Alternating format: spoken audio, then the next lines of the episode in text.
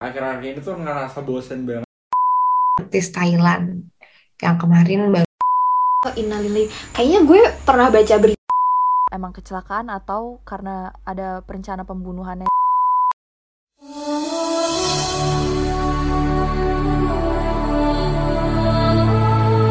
obrol obrol obrol obrol obrol Demi apa sih? obral. Obral apa nih? itu loh yang viral oh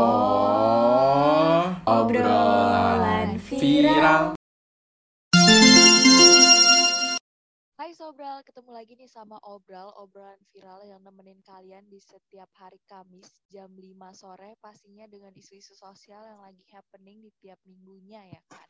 Bersama gue Ninis, gue Hendra Gue Ayah. dan gue Inai dan gak lupa pastinya sama teman-teman di balik suara ada Miran, Kania, Marlen, dan juga Keisha. Yes.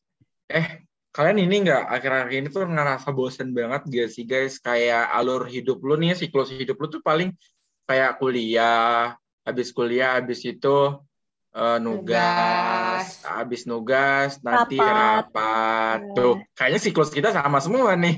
ya makanya sama gue juga lagi bosen Iya, parah sih, Bener. bosen banget gue. Lagi Padahal sibuk tapi bosen. heeh. bener Heeh, bener-bener. terus gue bosen tapi gue nggak ada waktu buat kayak refreshing gitu karena sibuk gitu loh paham gak sih lu Iya, kayak gue nggak ada waktu untuk mencari kegiatan lain karena kegiatan gue udah terlalu padat dengan yang tadi siklus itu itu aja Hmm. Relate banget sih kayak pengen ada sesuatu kayak jedar di hidup kita. Ya nggak sih kayak bosen menjalani itu-itu mulu.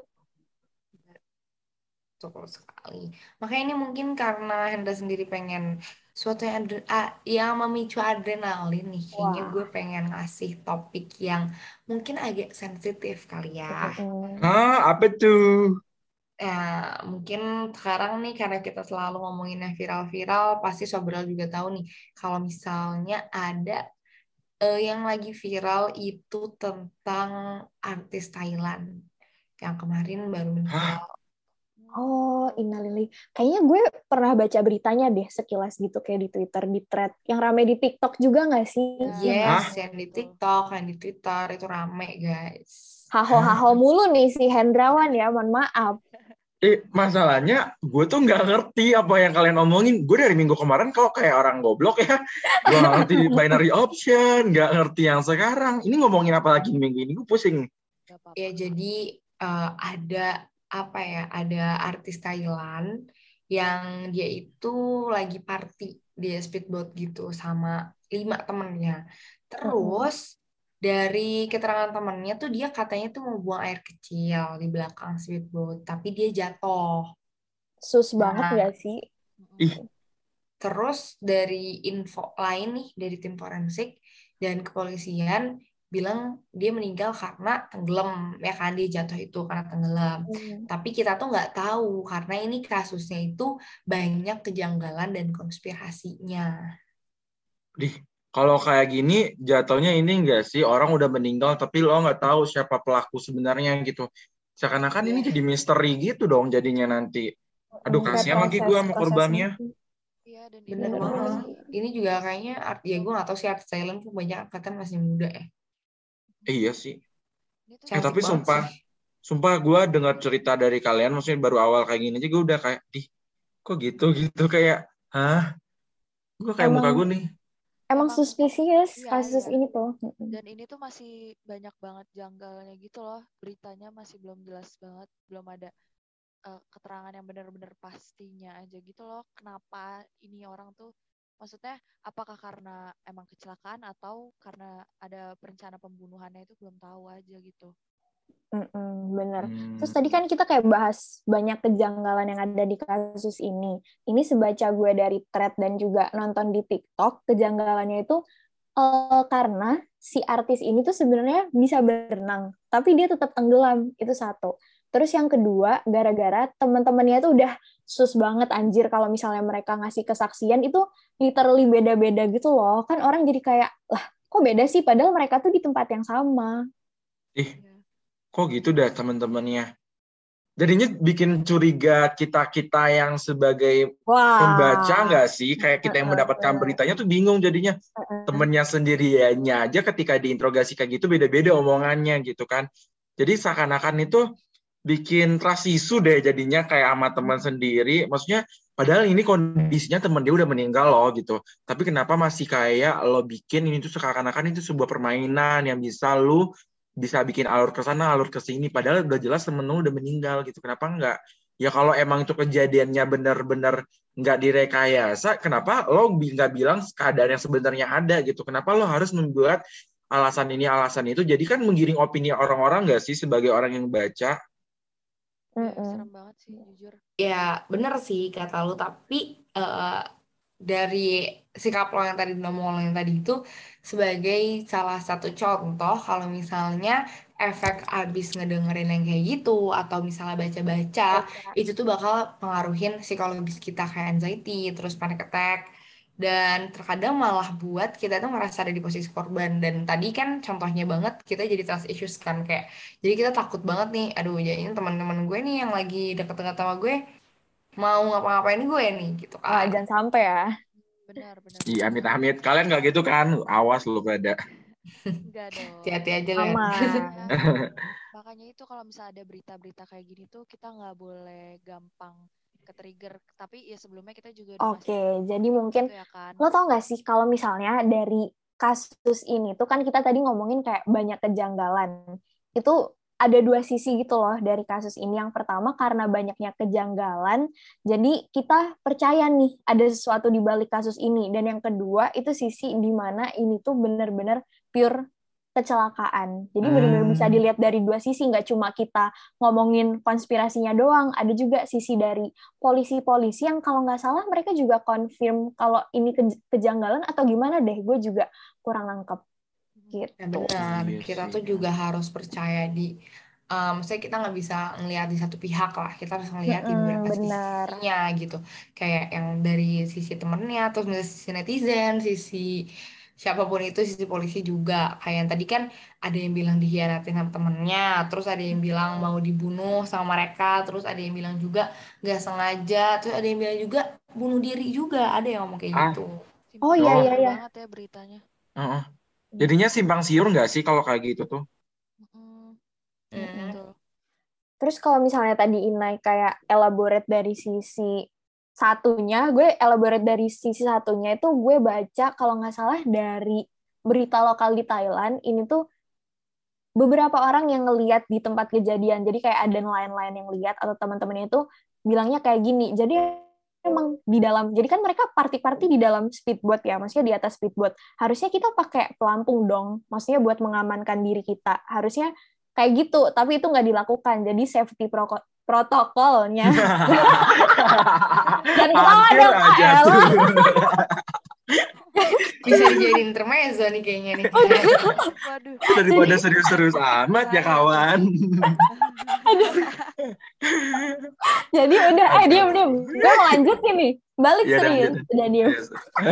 Jadi dari dari safety protokolnya yang mereka jalankan di dalam boat itu tuh bener-bener nggak ada gitu loh. Jadi kayak kalau emang ini accident, make sense juga. Dan eh, dijelasin juga kalau misalnya minum alkohol di sana. Maksudnya kalau orang mabuk ya apa sih kelakuannya kan nggak bisa dijelaskan gitu kan.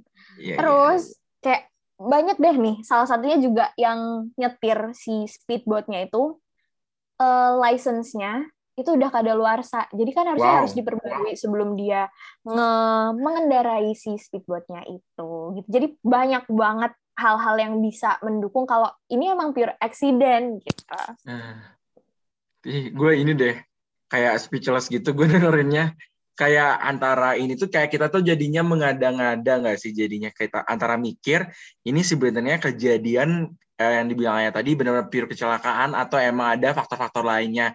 Tapi ya kalau pon ini emang kecelakaan dan kita ambil dari sisi kecelakaannya dulu, menurut gue juga salah sih kayak mereka mabok di kapal kecil kayak gitu kan. Terus juga kan nggak uh, apalagi yang tadi dari drivernya license-nya udah habis gitu-gitu.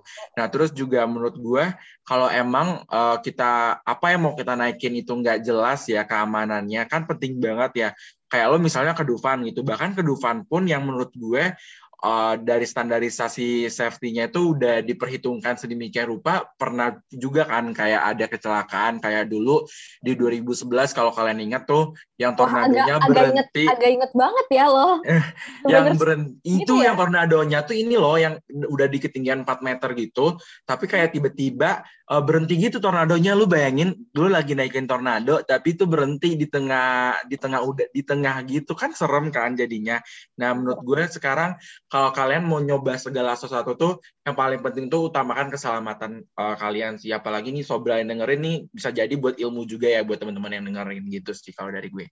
Betul. Wah. selain keamanan juga tuh ya kan ada yang penting juga nih kalau misalnya dari kecelakaan-kecelakaan apalagi yang sampai menyebabkan uh, meninggal seseorang gitu tuh yaitu adanya forensic examination atau pemeriksaan forensik gitu. Penting banget nih untuk mengetahui kejelasan dari kasus yang terjadi gitu loh kayak misalnya meninggalnya karena kenapa. Kalau misalnya dari si artis Thailand ini kan tadinya belum jelas banget tuh dia meninggalnya kenapa kenapanya tapi karena adanya si forensik ini tuh jadi tahu kalau dia meninggalnya karena tenggelam kayak ditemuin air dan juga pasir di uh, paru-parunya ya semacam kayak gitu lah. Jadi penting banget nih untuk uh, adanya pemeriksaan forensik kalau misalnya terjadi kecelakaan yang sampai menyebabkan uh, korban jiwa gitu teman-teman. Mm -hmm. Iya sih benar, gue setuju sama Ninis juga. Tapi uh, ternyata ya di balik uh, maraknya kasus yang sekarang ini yang kayak yang barusan kita omongin banget, uh, menurut gua kita juga bisa mengambil pelajaran sih dari sini terus uh, kayak apa yang tadi gue bilang juga balik lagi kan tuh. Uh, pertama itu kalau mau coba segala sesuatu tuh perhatikan keamanannya gitu.